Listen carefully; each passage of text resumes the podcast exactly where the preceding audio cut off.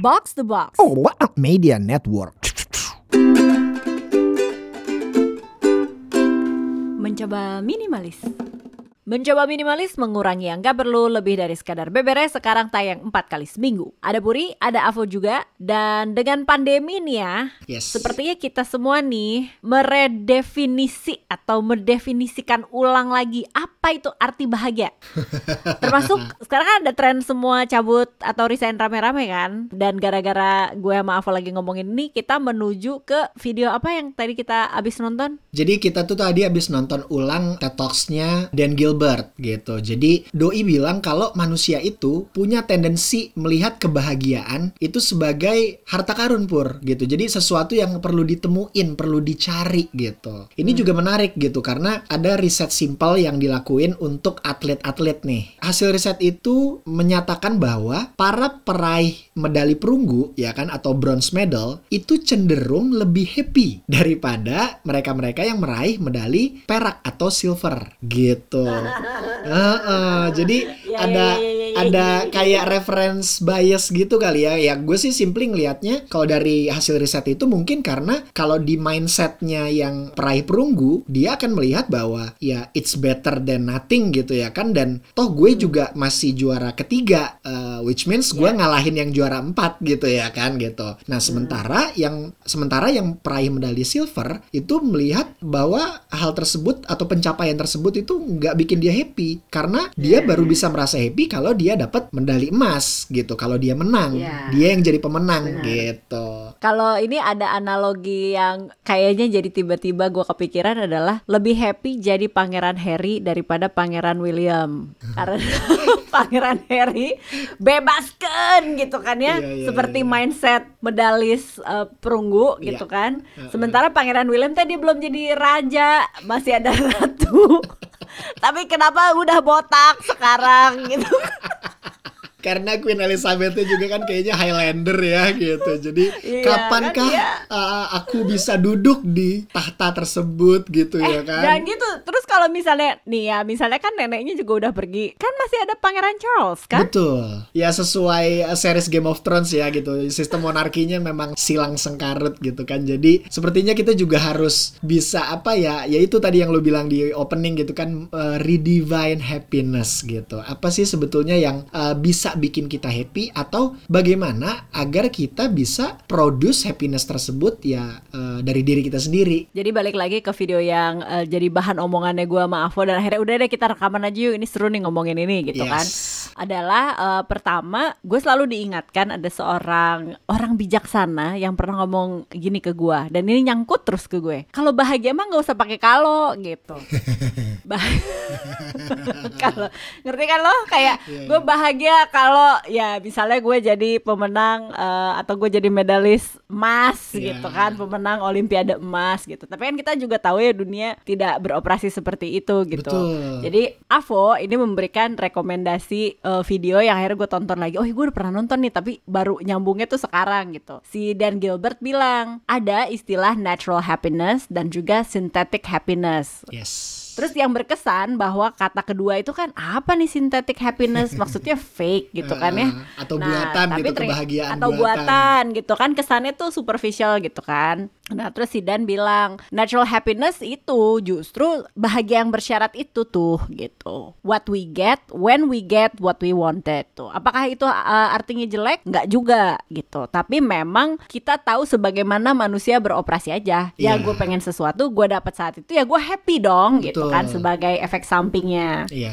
Nah, yang jarang diomongin sama orang adalah uh, synthetic happiness yang menurut si Dan harusnya sih katanya diganti ya karena ya itu berkesan uh, superficial yang uh, menurut dia kayaknya kita harus pakai istilah personal happiness. Oke. Maksudnya apa tuh? Bikin state kondisi psikologi kita itu imun terhadap kekaloan. Itu loh si kalau kan gue gue happy kalau gue udah jadi medalis emas. Ya kalau misalnya hidup tidak membawa lo menjadi medalis emas dan amit-amit lo kakinya patah dan lo nggak bisa main bola lagi misalnya gitu kan. Terus apakah lo akan menjadi orang yang merana seumur hidup kan gitu. Dan ternyata ini bisa dilatih. But uh, I'm sure you have another story nih soal misery dan hidup tuh nggak selalu seperti yang kita mau. Kayak menarik nih. selama ini kan ya orang berpikir atau merasa bahwa ya gue baru bisa happy atau gue happy kalau gitu ya kan. Jadi ada harus ada syaratnya, ada sebabnya gitu ya kan. Tapi ternyata ketika impiannya terwujud, requestnya di approve gitu kan, ternyata nggak bikin orang itu happy juga gitu pur. Nah ini ini udah banyak ceritanya walaupun mungkin temins juga masih sering menganggap hal ini kayak ah mitos nih gitu, ah cerita Iya, goib iya. nih gitu. Gua gua akan men-challenge itu sih kayak kayak gini ya. Kan seperti yang lo bilang, mendapatkan apa yang kita mau atau bahkan lebih, gak secara otomatis bikin kita bahagia. Ini kan seperti pertanyaan, kalau udah biasa naik Avanza dikasih Mercedes, masa sih lo nggak happy gitu? kan gitu ya.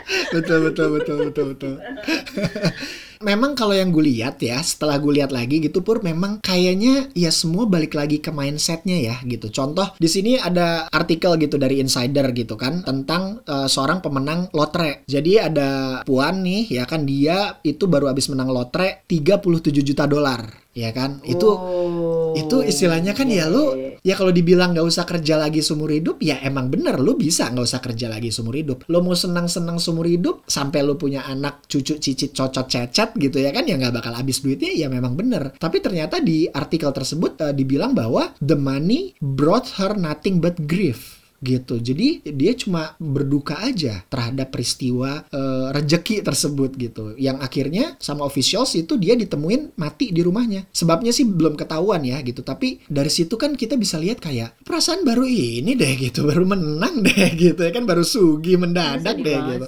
Kok metong gitu. Ya terlepas dari itu Ah. takdir atau bukan ya Pur ya gitu. Tapi kan di Iya. sini kita ngelihatnya juga kayak hal tersebut menjadi salah satu sampel lah gitu bahwa ternyata ketika kita dapat apa yang kita rasa kita pengen ternyata belum tentu bikin kita happy gitu. Ini ada lagi nih orang lain di artikel lain ya dari CNBC namanya Jack Whittaker. Dia habis menang 315 juta dolar. Dia ngomong apa coba? I wish that we had torn the ticket up. Dia berharap tiket lotre itu disobek aja sama dia gitu. Karena ternyata setelah dia menang lotre, anaknya dan cucunya itu justru meninggal karena overdosis narkosop. Dari artikel tersebut juga disebutin bahwa many winners struggle with suicide, depression, and divorce gitu. Jadi kayak kutukan lotre tersebut lah yang bikin diri mereka atau hidup mereka jadi miserable instead of jadi improve. Aneh ya? Iya. Tapi ya itu itu nyatanya gitu ya kan.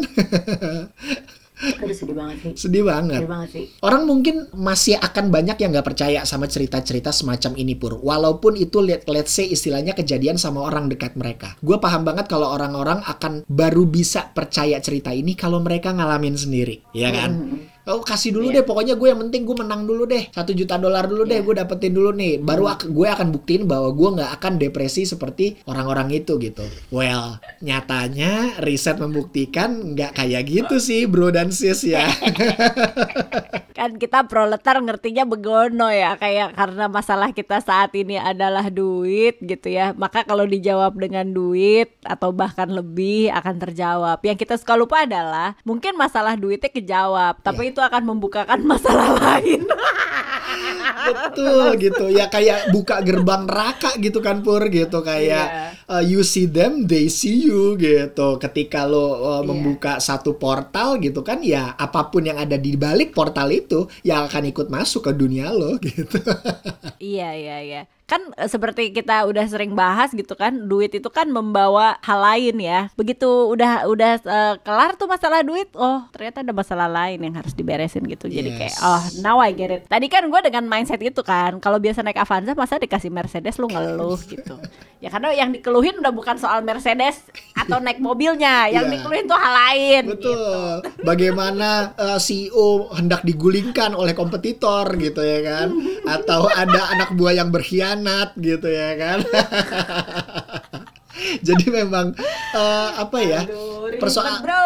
Uh, uh, orang banyak ngelihat kalau synthetic happiness ini tuh kayak happiness KW gitu pur gitu. Padahal Iya. dari uh, penelitian yang dikemukakan sama Dan Gilbert ternyata kualitas dari synthetic happiness gitu kan itu sama bagusnya kok dengan natural happiness gitu. Bahkan salah satu faktor lain yang membuat hal tersebut juga sangat layak untuk dikonsider adalah ketika seseorang memiliki skill untuk uh, menciptakan synthetic happiness sendiri dia nggak akan jadi dependent jadi lebih enak Iya, dan iya. lebih lebih versatile ya gitu jadi apa pun situasinya ya dia akan tetap bisa make the best out of it when they didn't get what they want Jadi apa eh, sintetik itu kan jadi gimana caranya kita menjalani hal yang tidak ideal gitu kan. Kita memvalidasi gue tahu banget lu suka kata ini ya. Lu memvalidasi hal-hal secara internal aja atas pilihan-pilihan yang mungkin nggak enak tapi kita lakukan sendiri. benar Ya nggak apa-apa gitu. Makanya ini gue nggak merujuk ke artikel lain nanti akan gue kasih juga eh, di deskripsi episode. Si Dan Gilbert juga dikutip dalam artikel ini. Dia bilang kan ada hari-hari di mana kita mengerjakan tugas kampret dari bos gitu kan. Ya kan? Nggak, maksudnya namanya juga kerja. Emang semua yang kita kerjain sesuai dengan maunya kita kan nggak gitu. Iya. Ketika kita mengerjakan tugas kampret itu, itu sebenarnya kita mengasah skill tadi tuh, synthetic happiness itu gitu bahwa kemauan kita menjalani sambil juga dalam menjalani pastilah ya ada adegan kokop kopi, terus telepon telepon temen, terus gumoh-gumoh gitu kan. Tapi lo kerjain kan dan lo ada di dalam flow di mana lo gue terima. Kenapa gue terima ini? Karena kalau misalnya gue nggak suka ya pilihannya tinggal cabut. betul Ya kalau lo nggak mau cabut dari kerjaan itu, ya berarti kan lo kerjain. Maksudnya hidup kan kadang kasih pilihan keras kayak gitu ya. Pokoknya pilihannya antara A atau B, lo nggak bisa dapet C gitu. Di depan muka cuman A dan B. Nah kalau itu diasah, justru si synthetic happiness ini mem- membentuk kemampuan kita bahagia. Yes. Jangka panjang. Betul. gitu. Karena kalau si natural happiness itu kan eh, ya kita dapat apa yang kita mau gitu. Akhirnya jadinya short term short term short term. Dan kalau kita nggak asah nih yang kedua kita jadi punya mindset ya gue mau bahagia kalau gue dapat gue dapat apa yang gue mau gitu. Nah yang nomor duanya nggak diasah jadi lu gampang miserable juga gampang sengsara juga. Jadi gue yang kayak hmm menarik sekali nih synthetic happiness. Ternyata eh, kayaknya perannya lebih penting ya dalam Krusial. kehidupan untuk Iya, tetap Sparta. Catatan khusus nih yang bisa temin praktekin buat para pejuang LDR ya kan? Natural happiness kan adalah eh, ketika kalian bisa dapetin apa yang kalian mau. Kalian bisa bersua tatap muka dusel-dusel enak-enak gitu ya kan dengan pasangan kalian. Tapi karena dengan kondisi yang tidak ideal kalian harus menjalani LDR ya kalian bisa praktis tuh eh, synthetic happiness. Exactly. Ya kan eh, optimalin chat, kirim postingan meme, bikin sesi video call, ya kan. Explore toys-toys yang bisa pakai remote Wah, atau pakai app. Itu kualitasnya sama itu dengan mereka-mereka yang bahkan tinggal satu atap satu rumah. Jos itu. Setuju gue, setuju gue. Iya, it's a mindset dan gimana lo eksplorasi hal-hal yang tidak ideal ini, Yes. gitu kan? Siapa bilang meme kucing tidak bisa merekatkan hubungan antara Jakarta Amsterdam gitu misalnya ya kan? Terus kayak kita jadi sibuk ngomongin meme kucing. Iya, ya nggak apa-apa sih, it works man gitu. Belum lagi hal-hal lain yang enak-enak gitu. Jadi pandemi emang heh gitu ya. Tapi tidak apa-apa. Yes. Waktunya kita mengasah synthetic happiness. Mantra untuk episode ini adalah ya udahlah adalah skill yang perlu terus diasah. Kalau lagi susah, ya udahlah dikerjain. ya udah gitu aja. Sampai ketemu di episode berikutnya. Puri out. Apa chaps? Bye for now. Mencoba minimalis.